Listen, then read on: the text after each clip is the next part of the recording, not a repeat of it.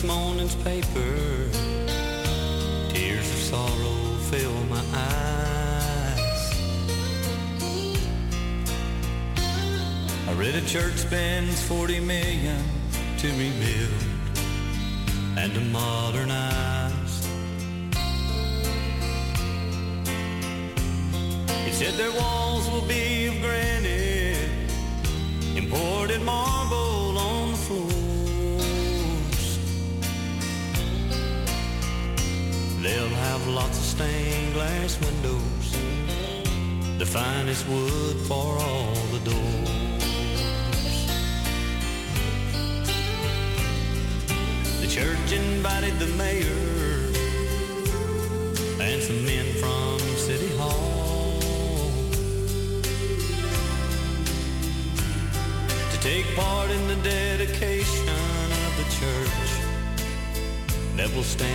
so tall. They said the local TV station will cover the story that day. But I wonder if they invited Jesus. Or would he just get in their way? What I wanna know is what about Jesus?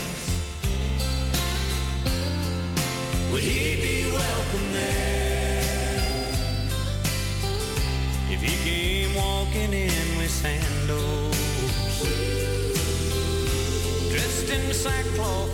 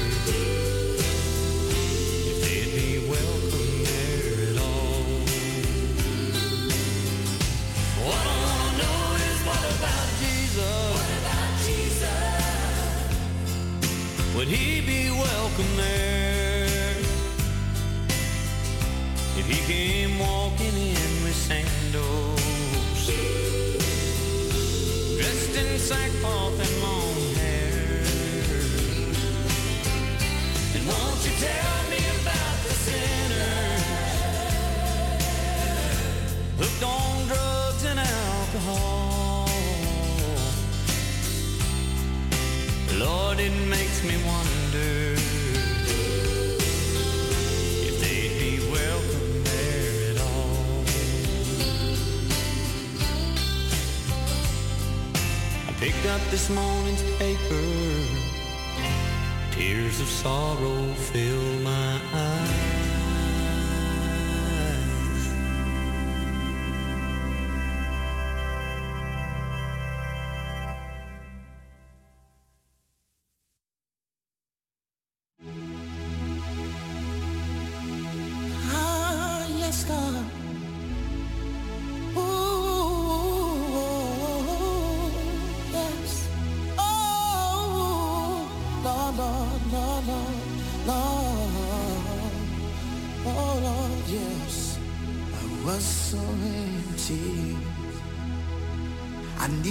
someone who could take away the emptiness inside. I turn away when friends would tell me I should come to you and surrender all my life. My life was reckless till I obey them and find a church that I could go to set me free. It was at the altar I cried, Lord, save me. I felt the burden slowly lifting off my life.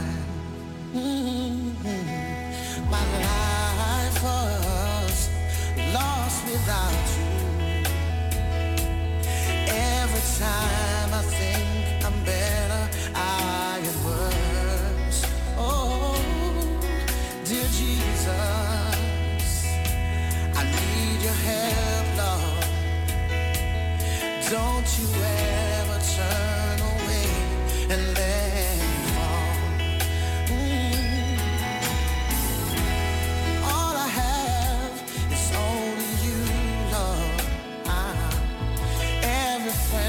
I look to always let me down.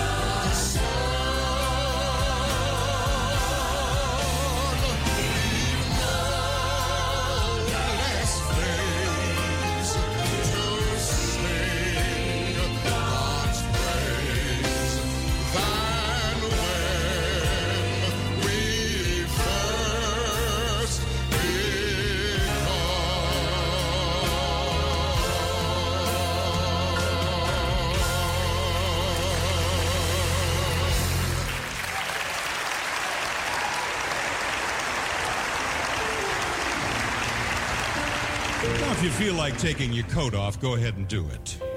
But if you're viewing around the world somewhere and it's five below, don't do that. we want to welcome each one who's gathered here this afternoon in the Loma Linda Seventh day Adventist Church facility, and it's just become a wonderful living room of praise and a family experience for all of us. We welcome those viewing by television all over the world, and we want to give you a round of applause for being involved in a very historic event. Let's give a round of applause to those viewing by television a first event for our church. Amen. Thank God. Now, Lonnie Melashenko, come and introduce some folks that are special to you. You know, God's amazing grace reached out and touched the life of some pioneer immigrants to the land way to the north here in the United States, Canadian sodbusters they were who staked a homestead claim in Saskatchewan near the city of Saskatoon. Refugees fleeing from the Bolshevik Revolution. They were grandparents of mine, both paternal and maternal.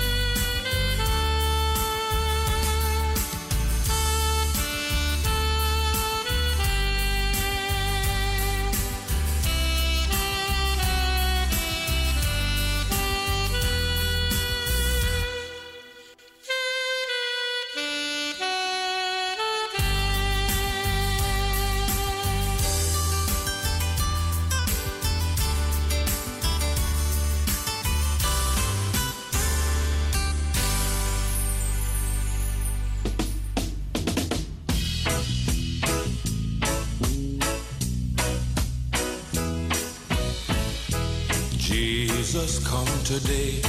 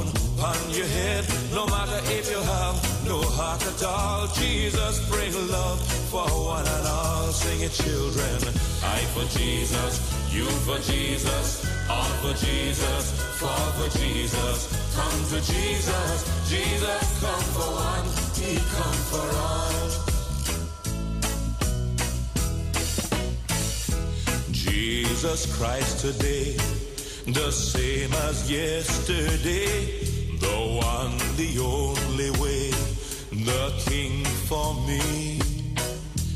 Let it come to pass, mankind find love at last, just as it was time past. So let it be. No matter if you're thief, or if you're dread, or if you have a crown on your head. No matter if you have no heart at all. Jesus bring love for one all. Sing it, children. I for Jesus, you for Jesus, all for Jesus, fall for Jesus. Come to Jesus, Jesus come for one, He come for all. Sing it, children. I for Jesus, you for Jesus, all for Jesus, fall for Jesus. Come to Jesus, Jesus come for one, He come for all. Sing it, children. I for Jesus,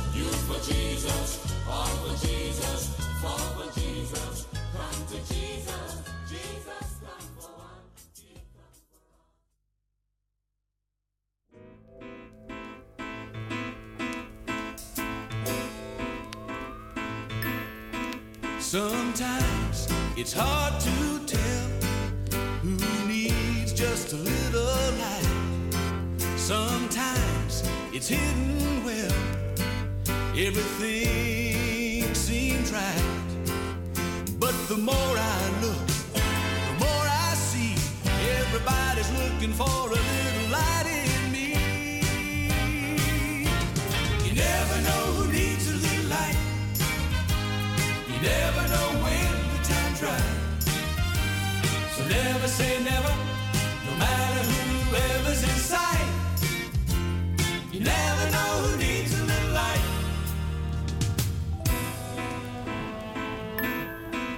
Sometimes the blind can't see, all they need is a little light. Sometimes they need you and me to shine so bright. Cause if the blind lead the blind, they'll never see if they don't get a little light from you and me. You never know never know when time's right. So never say never, no matter whoever's in sight. You never know who needs a little light. This little light of mine,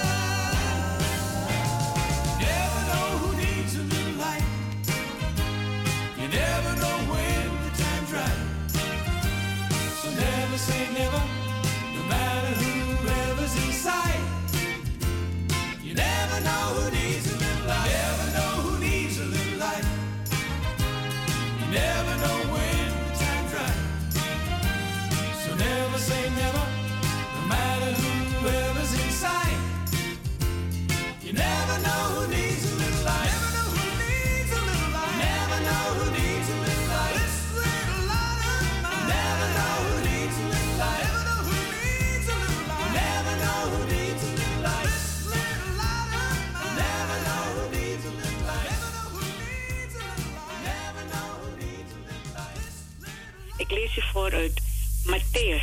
Matthäus hoofdstuk 7 vanaf vers 7. Matthäus 7 vanaf vers 7. Bid en u zal gegeven worden. Zoekt en gij zult vinden. Klopt en u zal opengedaan worden. Want een ieder die bidt ontvangt en wie zoekt vindt. En wie klopt, hem zal opengedaan worden. Of welke mens onder u zal als zijn zoon hem om brood vraagt, hem een steen geven? Of als hij een vis vraagt, zal hem toch geen slang geven? Indien dan gij, hoewel gij slecht zijt, goede gaven weet te geven aan uw kinderen, hoeveel te meer zal uw Vader in de hemel het goede geven aan hen die hem daarom bidden. Alles nu Wat gij wilt dat de mensen u doen, doet gij hun aldus. Want dit is de wet en de profeten. Gaat in door de enge poort, want wijd is de poort en breed de weg die tot het verderf leidt. En vele zijn er die daar doorheen gaan. En eng de poort en smal de weg die ten leven leidt. En weinigen zijn er die hem vinden. Wacht u voor de valse profeten die in schaapsvacht u komen, maar van binnen zijn ze roofgierige wolven. Aan hun vruchten zult gij hen kennen. Men leest toch geen druiven van dorens of vijgen van distels? Zo brengt iedere goede boom goede vruchten voort. Maar de slechte boom brengt slechte vruchten voort. Een goede boom kan geen slechte vruchten dragen, of een slechte boom kan geen goede vruchten dragen. Iedere boom die geen goede vrucht vo- voortbrengt, wordt uitgehouden en in het vuur geworpen. Zo zult gij hen dan aan hun vruchten kennen. Niet een ieder die tot mij zegt, Heere, Heere, zal het koninkrijk der hemelen binnengaan, maar wie doet de wil van mijn Vader, die in de hemelen is. Velen zullen te dien dagen tot mij zeggen, Heere, Heere, hebben wij niet in uw naam geprofiteerd en in uw naam boze geesten uitgedreven en in uw naam vele krachten gedaan? En dan zal ik hen openlijk zeggen, ik heb u nooit gekend. Gaat weg van mij, gij werkers der wetteloosheid. En ieder nu die deze mijn woorden hoort en ze doet, zal gelijken op een verstandig man. Die zijn huis bouwde op de rots. En de regen viel neer en de stromen kwamen en de winden waaiden en stortten zich op dat huis. En het viel niet in, want het was op de rots gegrondvest. En ieder die deze mijn woorden hoort en ze niet doet, zal gelijken op een dwaas man, die zijn huis bouwde op het zand. En de regen viel neer en de stromen kwamen. En de winden waaiden en sloegen tegen het huis. En het viel in en zijn val was groot. En het geschiedde toen Jezus deze woorden gesproken had, dat de scharen versteld zouden over zijn leer. Want hij leerde hen als gezachthebbende en niet als hun schriftgeleerde. Amen. Ik las u voor uit Matthäus hoofdstuk 7 vanaf vers 7 tot en met vers 29. Ik wens u allen een heel gezegende dag. Wij reizen naar een land, het ligt nog ver hier vandaan. Naar een land zonder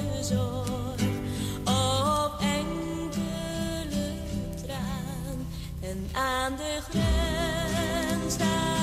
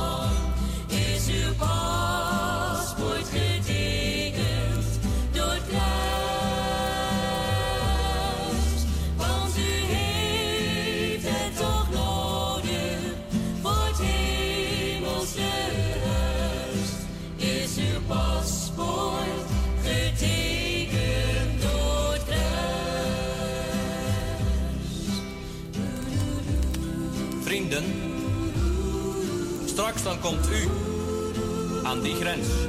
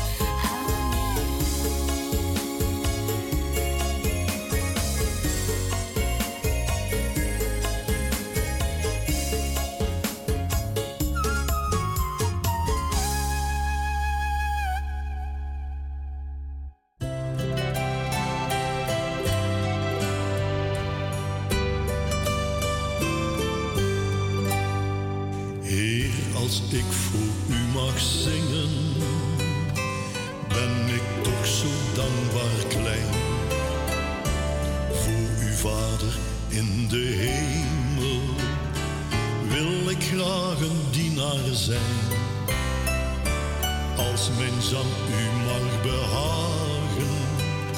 Geef mij dan het juiste woord om uw leer mee uit te dragen, zodat het ook de mens bekoort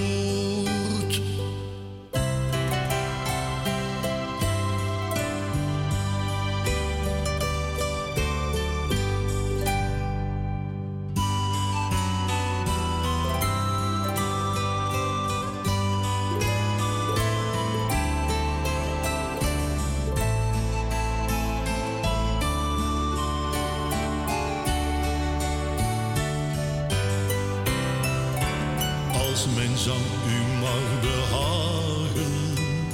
Geef mij dan het juiste woord, om uw leer mee uit te dragen, zodat het ook de mens bekoort. Overal wil ik het zingen, neem mijn loflied aan, o Heer.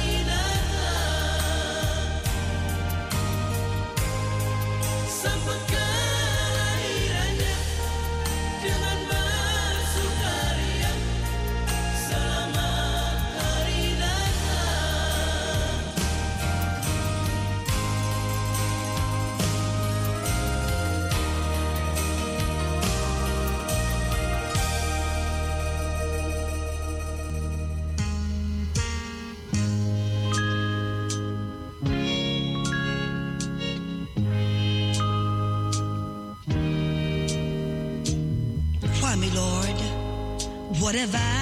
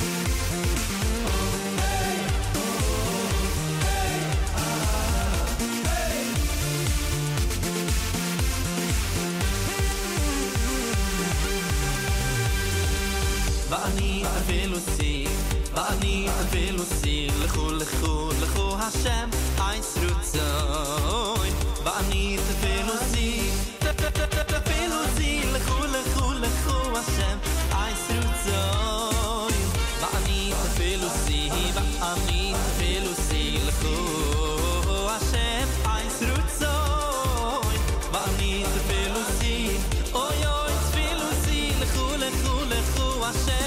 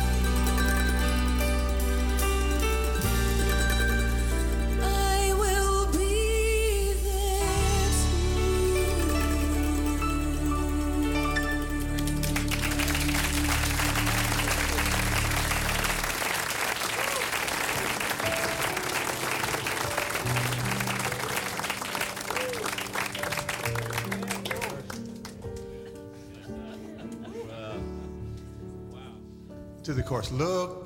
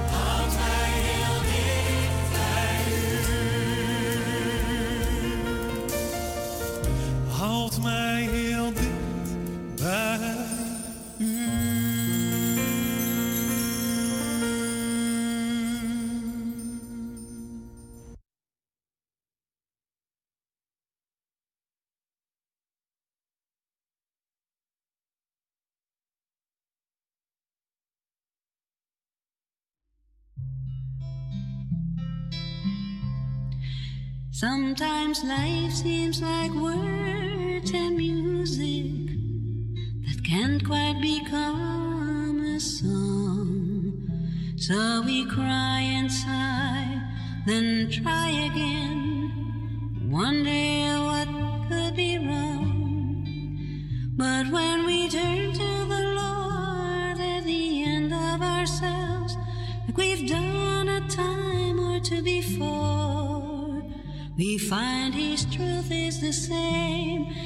all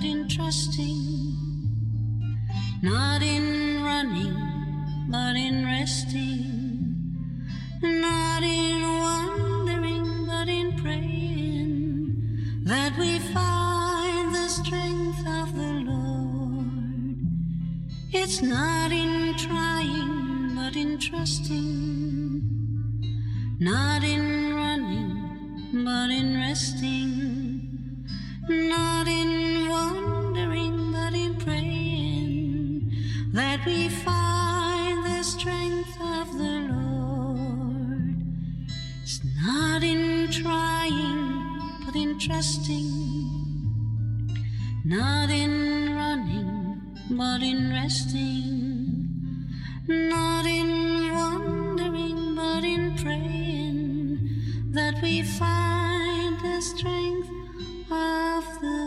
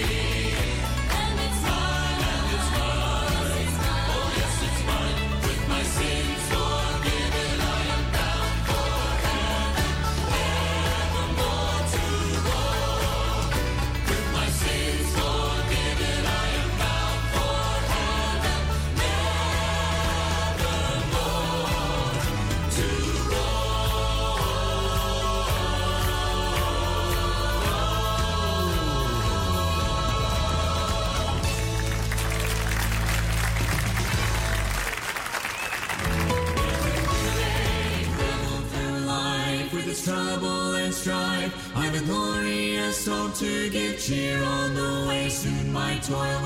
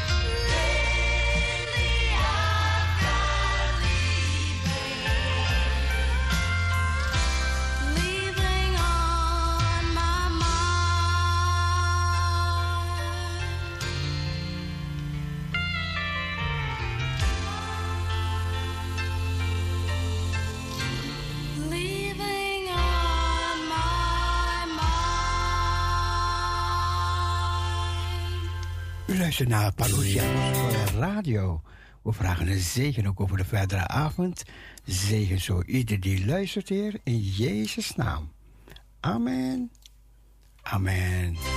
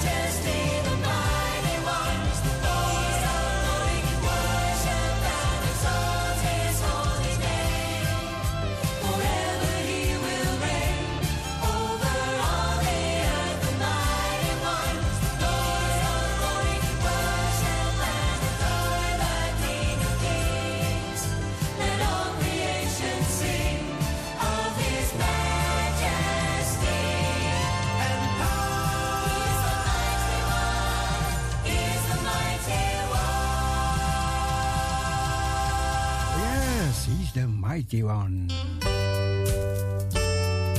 Marusha Gospel Radio.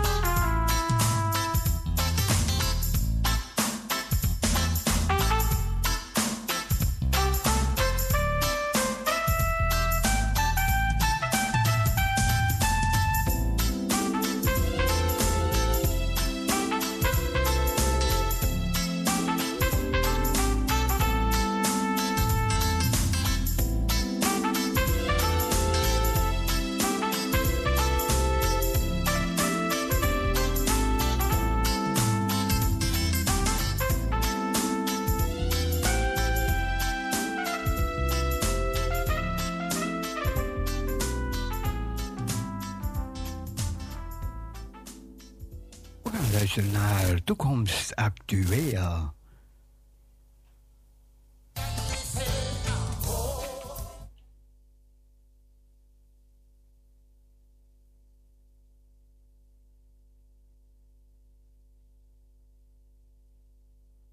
over Judas gaan na. Dat is net zo'n cartooneske bad guy als de Joker in Batman. Die staat zo ver van ons af.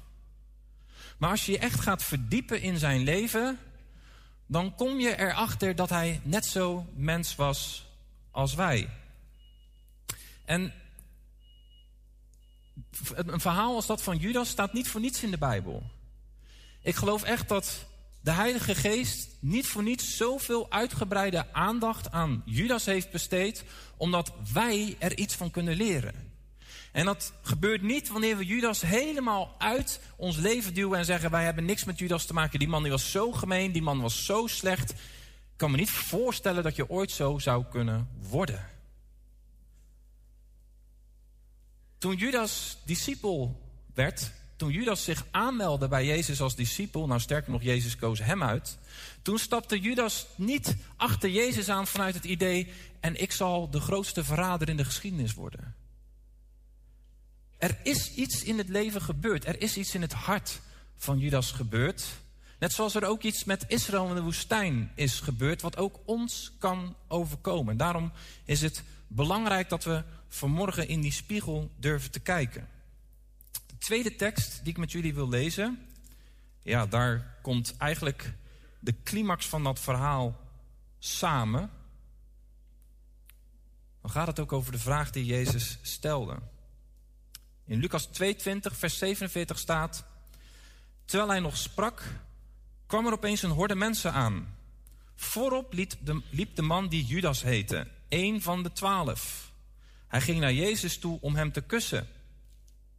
Maar Jezus zei tegen hem: Lever, Judas, lever je de mensenzoon uit met een kus? Wat is er gebeurd? Wat is hier in vredesnaam gaande? Hoe kan dat? Eén van de twaalf. Is het mogelijk om drie jaar lang met Jezus op te trekken, om dicht in zijn nabijheid te leven, om aan zijn voeten te zitten, om zijn woord te horen, om zelfs te zien hoe hij over water loopt, brood vermenigvuldigt, Lazarus opwekt uit de dood. We hebben twee weken geleden gehad over dat grootste wonder wat Israël ooit had gezien. Dat Lazarus na vier dagen opgewekt werd uit de dood. Judas was erbij. En Judas had niet alleen dicht bij Jezus zijn woord gehoord. En hij had niet alleen zijn kracht gezien en ervaren. Judas was ook zelf een prediker, wist je dat? Judas was er ook zelf op uitgegaan om het koninkrijk te verkondigen, om zieken te genezen, om doden op te wekken, om demonen uit te drijven. Ook Judas was daarbij. Judas heeft door zijn handen zoveel meer kracht zien gaan dan wij. En toch was zijn hart onveranderd. Hoe kan dat? Jezus zei de hele tijd over Judas dat in hem de schrift in vervulling ging.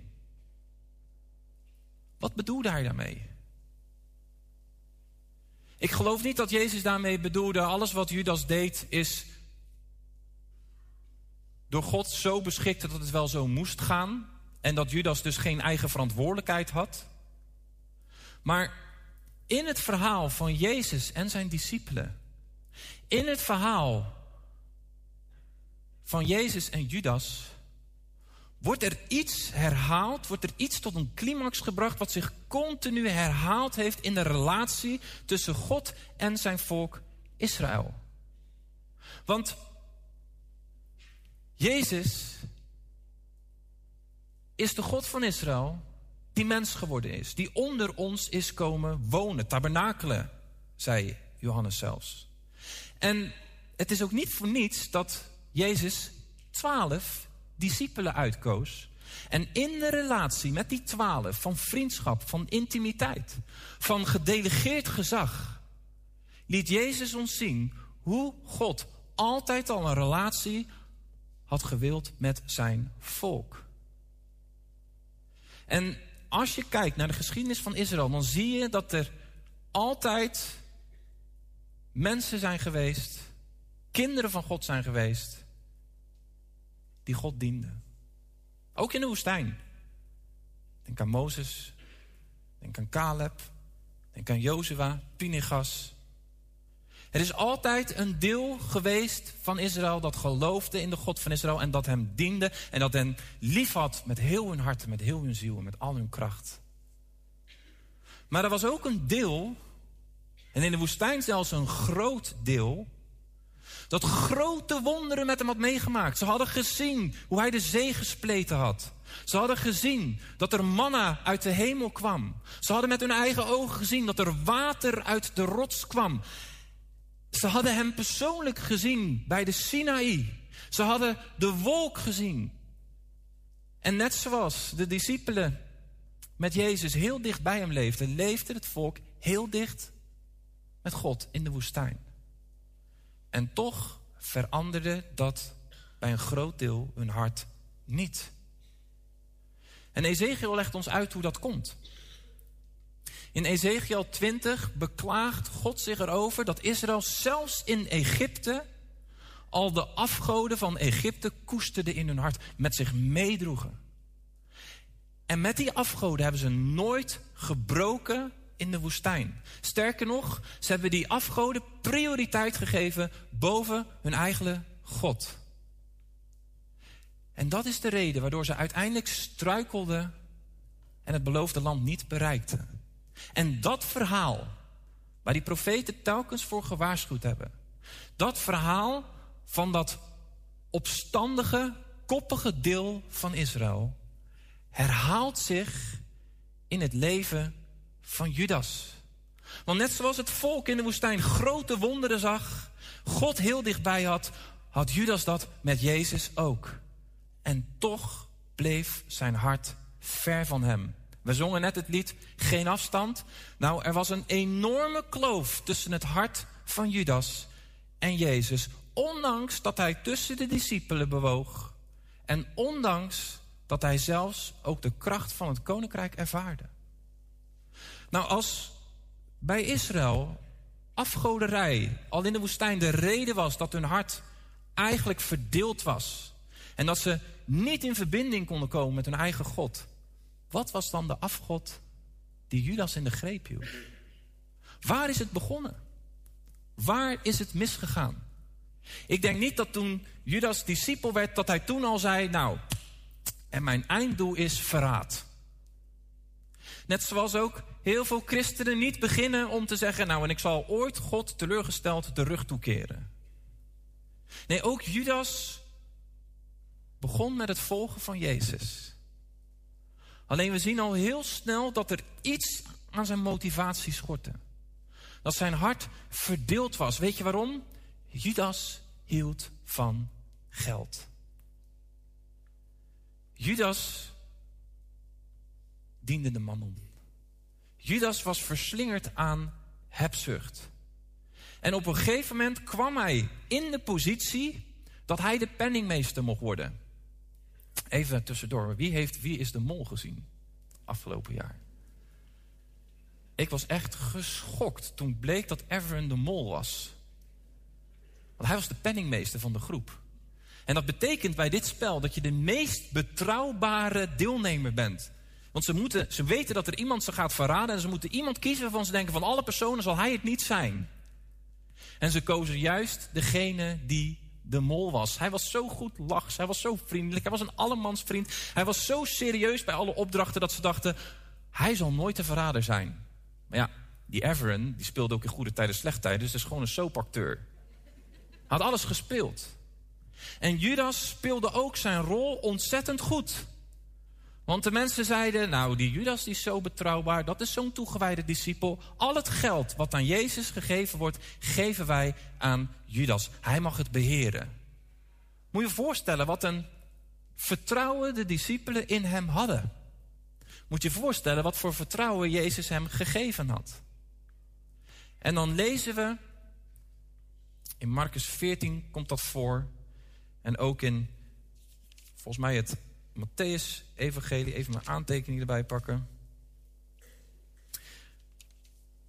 Nou ja, in ieder geval mag je thuis opzoeken. Twee evangelisten beschrijven dat Judas geld stal uit de pot. Judas was een dief geworden. Dus wat er gebeurde is dat er allemaal geld binnenkwam. En, en dat geld werd aan Jezus gegeven. Het was voor Jezus en voor zijn discipelen. En Judas die keek naar dat geld en het brandde in zijn handen. En een deel daarvan begon hij voor zichzelf te houden. Begon hij te verduisteren. We weten niet precies wanneer dit is gebeurd. Maar ergens in die drie jaar dat hij meeliep met Jezus... is hij Jezus gaan belazeren. Zijn liefde voor geld was groter dan zijn liefde voor Jezus. Sterker nog, hij had Jezus zo vaak horen preken over de mammon.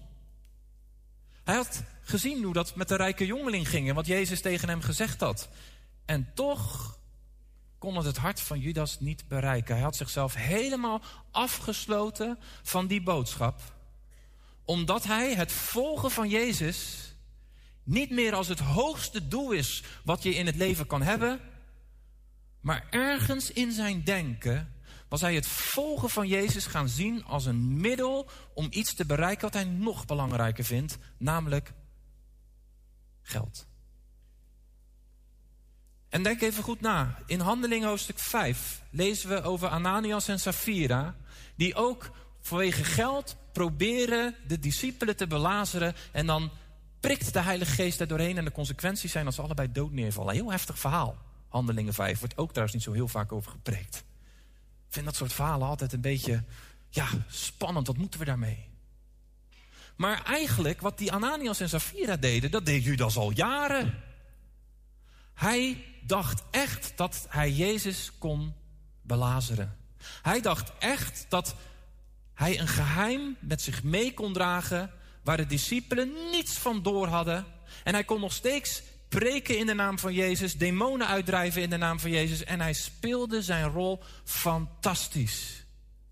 Maar ondertussen was zijn hart ver verwijderd geraakt van Jezus, omdat hij een afgod met zich meedroeg. En hij dacht zelfs dat hij Jezus kon bedriegen.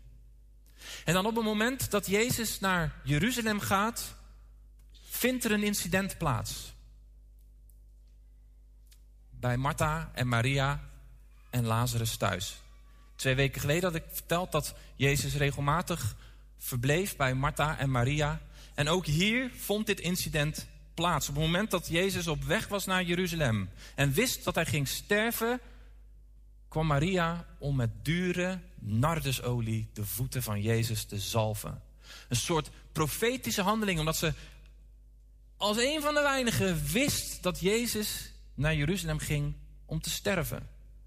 Dat is eigenlijk ook echt wel bijzonder, hè? Al die mannen die achter Jezus aanliepen, die hadden niks door.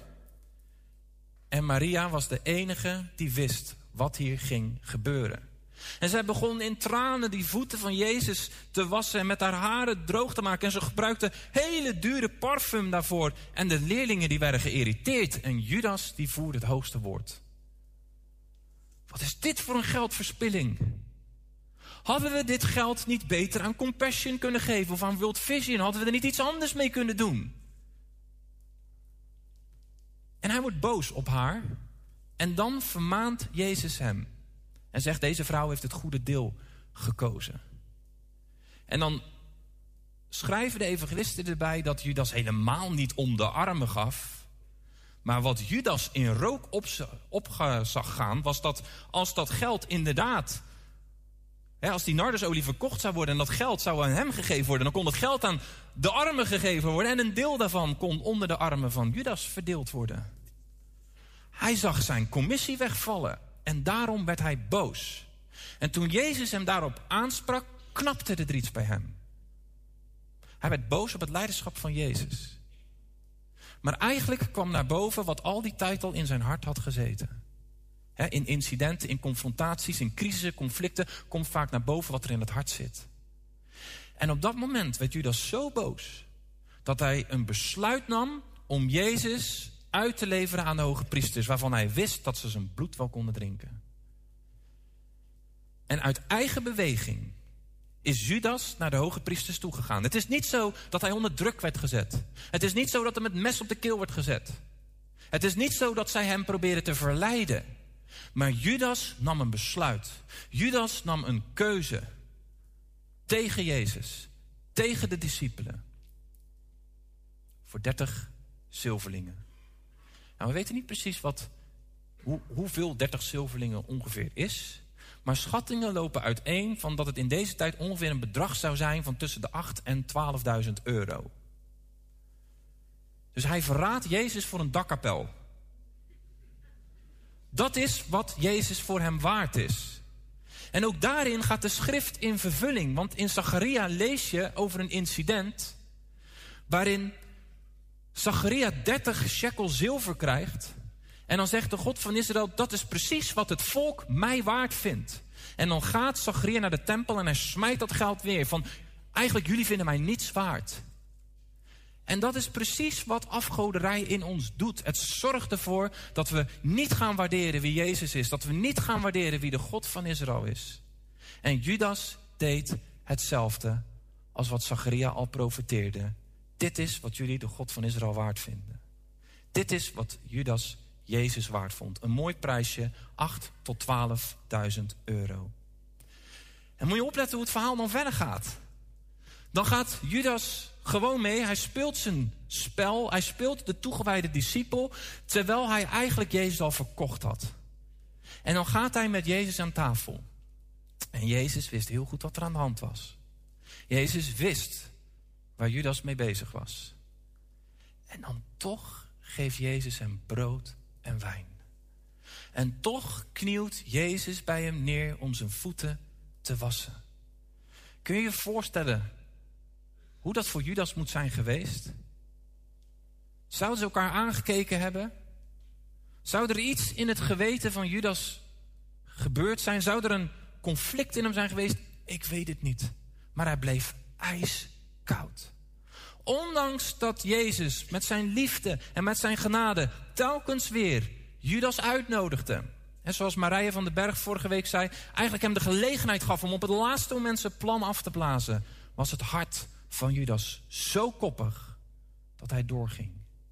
En Jezus liet alleen, niet alleen met zijn liefde en met zijn genade zien dat er ook nog een andere uitweg was. Hij waarschuwde hem ook. Net zoals God ook Israël continu, niet alleen met zijn liefde en genade liet zien dat hij voor hen was, maar hij waarschuwde ze ook met zijn profeten. Doe het niet, doe het niet. Bekeer je, keer je terug naar God. Doe die afgoden weg. En zo waarschuwde Jezus ook Judas door een hint te geven. Er is hier, vandaag, vanavond, aan tafel iemand aanwezig die me gaat verraden. En die discipelen schrikken zich rot. Niemand dacht, ja logisch, dat is Judas. Hij speelde zijn rol goed, hè? Iedereen ging bij zichzelf naar binnen kijken. Heer, ben ik het niet? Heer, ben ik het niet? Ze raakte een beetje in paniek. Ik, ik, ik ben het toch niet, heer? En Judas speelde ijskoud het spelletje mee. Rabbi, ik ben het toch niet? En hier zien we iets zichtbaar worden van wat er in het hart van Judas gebeurde. In de Evangelie lees je dat de discipelen telkens tegen Jezus zeiden: Heer, Heer, Heer. En Judas zei: Rabbi, meester, leraar. In het hart van Judas was Jezus een leraar, een wijsheidsleraar, een rabbi. Waar je wat van kan leren, maar wiens advies je ook zomaar naast je neer kan leggen. Maar hij heeft nooit Jezus in zijn hart als Heer over zijn leven aanvaard. En dat wordt zichtbaar op het moment dat hij met Jezus aan tafel zit. En Jezus zegt tegen hem: Doe waarvoor je gekomen bent.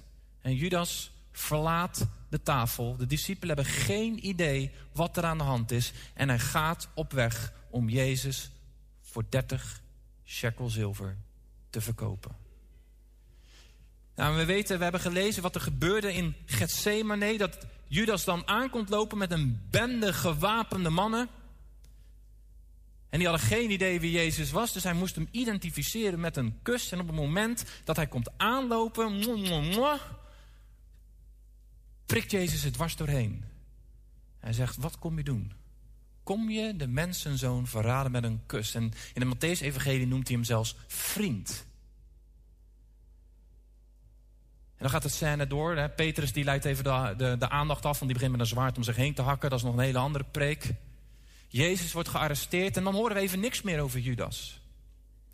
Maar we weten wel dat Judas het proces vanaf een afstandje volgde. En op het moment dat hij doorhad dat Jezus gekruisigd zou worden, brak er iets in hem. Pas op dat moment kreeg hij spijt. En je leest in de Matthäus-evangelie dat hij vervolgens naar de hoge priesters toe gaat. En zegt, ik heb een zonde begaan. Ik heb een onschuldige man aan jullie uitgeleverd. Moet je opletten wat het geestelijk gehalte was van de leiders toen in die tijd. Er komt iemand met een enorm schuldgevoel. Er komt iemand die worstelt met zonde. Er komt iemand die gebukt gaat onder wat hij gedaan heeft. En weet je wat ze zeggen? Ja, dat is jouw probleem. Zoek het lekker zelf uit.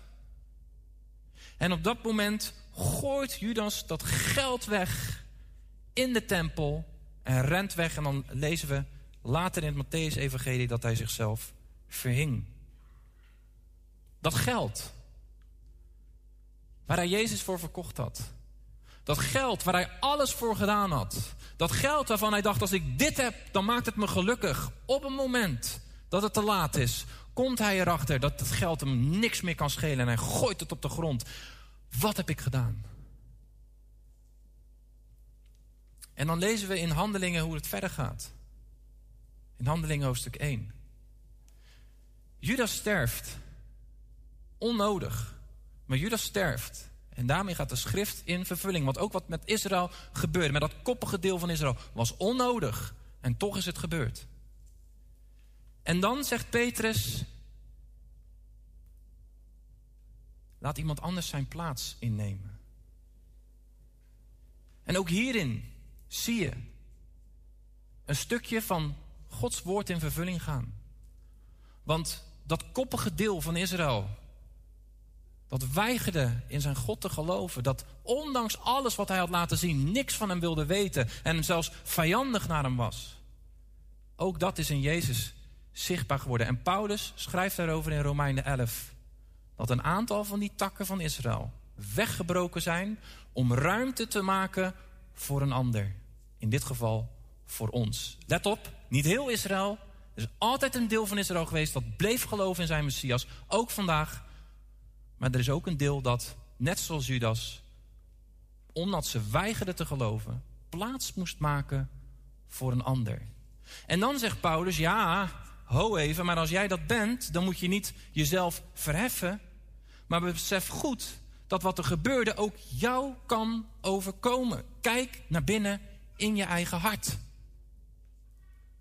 Dat is waarom ik ook in 1 Korinthe 10 met die tekst begon. En ik denk dat het heel goed is om ons vanmorgen dit te realiseren. Het is mogelijk om in een evangelische gemeente te zitten.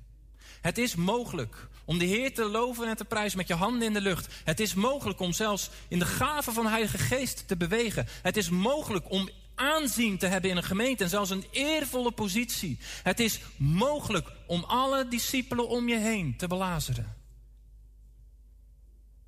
Maar Jezus weet precies wat er in ons hart leeft. En uiteindelijk is de pijnlijke les van Judas, waar hij pas achter kwam toen het te laat was, dat hij al die tijd niet alleen de anderen bedrogen had, hij had ook zichzelf bedrogen. Het is mogelijk om met een geheim rond te lopen. Het is mogelijk om je hart af te sluiten. Om onder het woord van God te komen en te denken: ja, maar dit gaat toch niet over mij en ik doe hier niks mee, want er is voor mij een uitzonderingsclausule. Precies wat Judas dacht. Het is mogelijk om te zeggen dat je Jezus dient en ten diepste gewoon afgoden van onreinheid, afgoden van hebzucht, in je mee te dragen, waarvan Paulus zegt dat als die afgoden volgroeien, dan kan je het koninkrijk van God niet beërven. Het is mogelijk. En dat maakt dat we aan de ene kant moeten waken dat we bang worden en denken: oh nee, eh, dan, dan doe ik het ook nooit goed. Dat is zeker niet de bedoeling van vanmorgen. Want er is genade voor een ieder die bij Jezus wil komen. En tegelijkertijd, en dat is waar we wel voor mogen waken, moeten we niet gemakzuchtig worden en onze handen in de broekzak steken en denken dat we er zomaar wel zijn. En waar zit dan het verschil? Judas heeft tot op het allerlaatste moment zijn best gedaan om te verhullen wat er diep in zijn hart leefde. Om een muur te bouwen rondom zijn afgoden, zodat niemand erbij kon komen. Op het moment dat Jezus zei: Iemand gaat mij verraden. Zag je het verschil tussen Judas en die andere leerlingen? Want die andere leerlingen die hebben ook zwakheden. Ik heb zwakheden, jij hebt zwakheden. We kunnen allemaal wel eens struikelen in zonde en, en verkeerde dingen doen en, en misstappen maken. Maar weet je wat het verschil is? Die discipelen die zeiden, ik niet Heer. Die werden geraakt in hun hart, omdat ze hun eigen zwakheden kenden. En er was maar één verlangen. Ze hielden van Jezus en ze zouden het een afgrijselijk idee vinden dat ze hem zouden verraden. Ze waren zo bang dat hun relatie met hem op het spel zou komen te staan. Ze zeiden, Heer, Heer, ze gingen naar God zelf toe. Ze gingen naar Jezus toe. Ze zeiden, ik toch niet, Heer. Alsjeblieft, Heer. En Judas, die deed dat niet. Die keek niet naar binnen. Die speelde zijn spel tot op het laatst door. En zei, meester, ik toch niet. En het is, ja, het is best, best heftig, maar ik denk wel dat het belangrijk is dat we dat een keertje ook openlijk zeggen tegen elkaar. Maar op het moment dat Jezus terugkomt en op het moment dat we voor de troon van God staan, dan zullen we soms schrikken van mensen, ook uit onze eigen gemeente, mensen uit onze eigen gemeente waarvan we dachten, wauw, die leefden zo close met de Heer. En waarvan dan pas op dat moment blijkt dat het helemaal niet het geval is geweest. En dat er nog een andere kant aan het verhaal zat die God wel kende. En daarom geloof ik dat God ook vanmorgen deze prediking wil gebruiken. Er is tijd, er is ruimte, er is genade. Laten we er met elkaar ernst van maken dat dat ons niet overkomt. En daarom is het zo belangrijk dat als je rondloopt met een stuk geheim leven, dat je toch ervoor kiest om ermee open te komen. Maar dat het zoveel belangrijker is dat je nu ermee open komt. En de genade van Jezus ontvangt om weer op je voeten te gaan staan. En ondanks de vernedering die dat met zich meebrengt, dat realiseer ik me heel goed. Dat je ervoor kiest om je relatie met Jezus niet prijs te geven, maar alles aan Hem te geven. Want er is veel meer schade als je dat niet doet. En net zoals Judas, tot op het eind je pokerface-spel blijft spelen. Laten we met elkaar niet bang worden. Want als ons hart verlangt naar Jezus, als ons hart van Hem houdt, als ons hart Hem Heer maakt, dan mogen we zwak zijn, maar er is altijd genade. Maar laten we wel oppassen dat we van Zijn genade, door Zijn genade, niet gaan denken dat we hetzelfde kunnen doen als Judas. Ik wil jullie vragen een moment te gaan staan. Nou, tot zover het gedeelte uit dit woord. Ik hoop dat u geleerd hebt uit het gedeelte dat je hoorde. We nemen u mee naar de klok van 12 uur. Tot 12 uur Parousia Gospel Radio.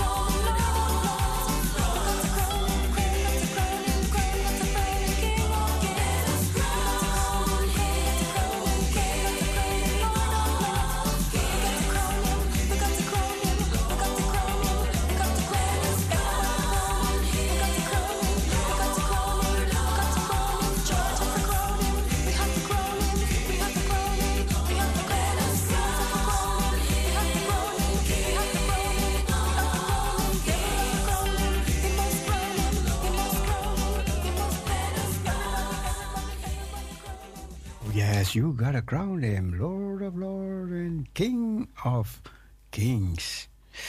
Wat bent u aan het doen? Wat doet u? Laat het weten.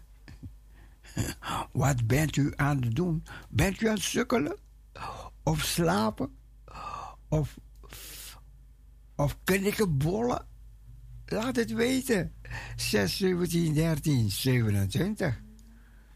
6, 17, 13, 27. Ik, ben, ik was bezig de hele tijd één telefoon over te zetten in een andere. En het wil niet, het lukte niet, het lukte niet. Maar ja, goed, ik laat het, nu laat ik het voor wat het is. Ja, toch? Er zijn toch een paar dingen die uit die oude telefoon... Nu merk ik dat die telefoon oud is, hè?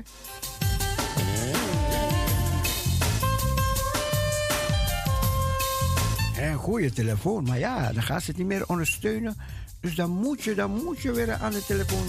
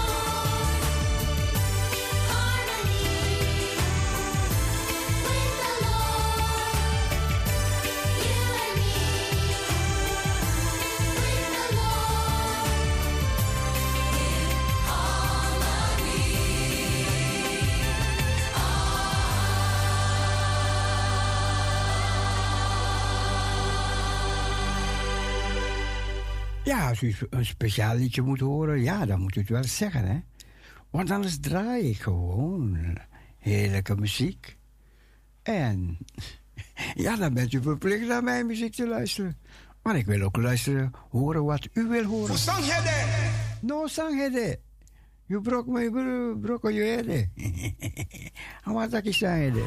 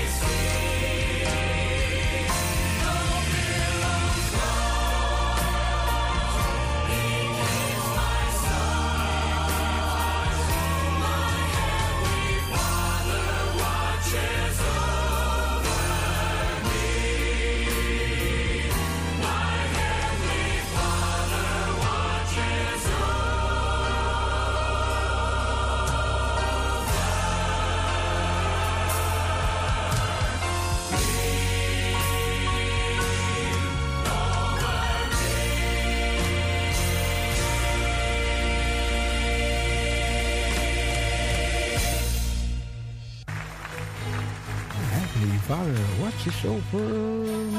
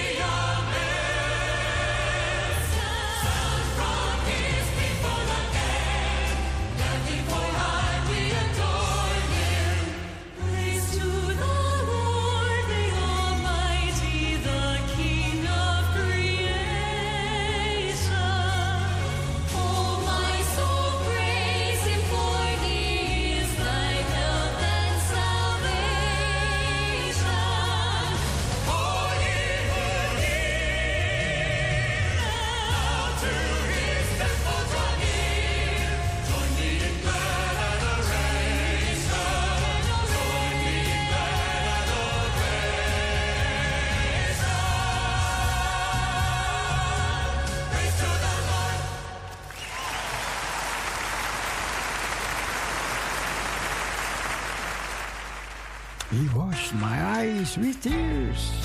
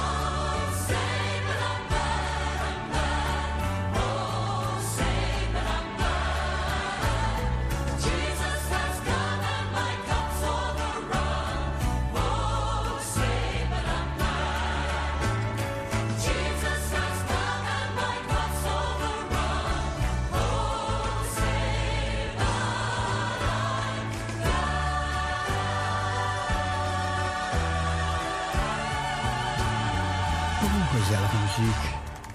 Gospelmuziek in de vakantie. My Heavenly Father watches over me.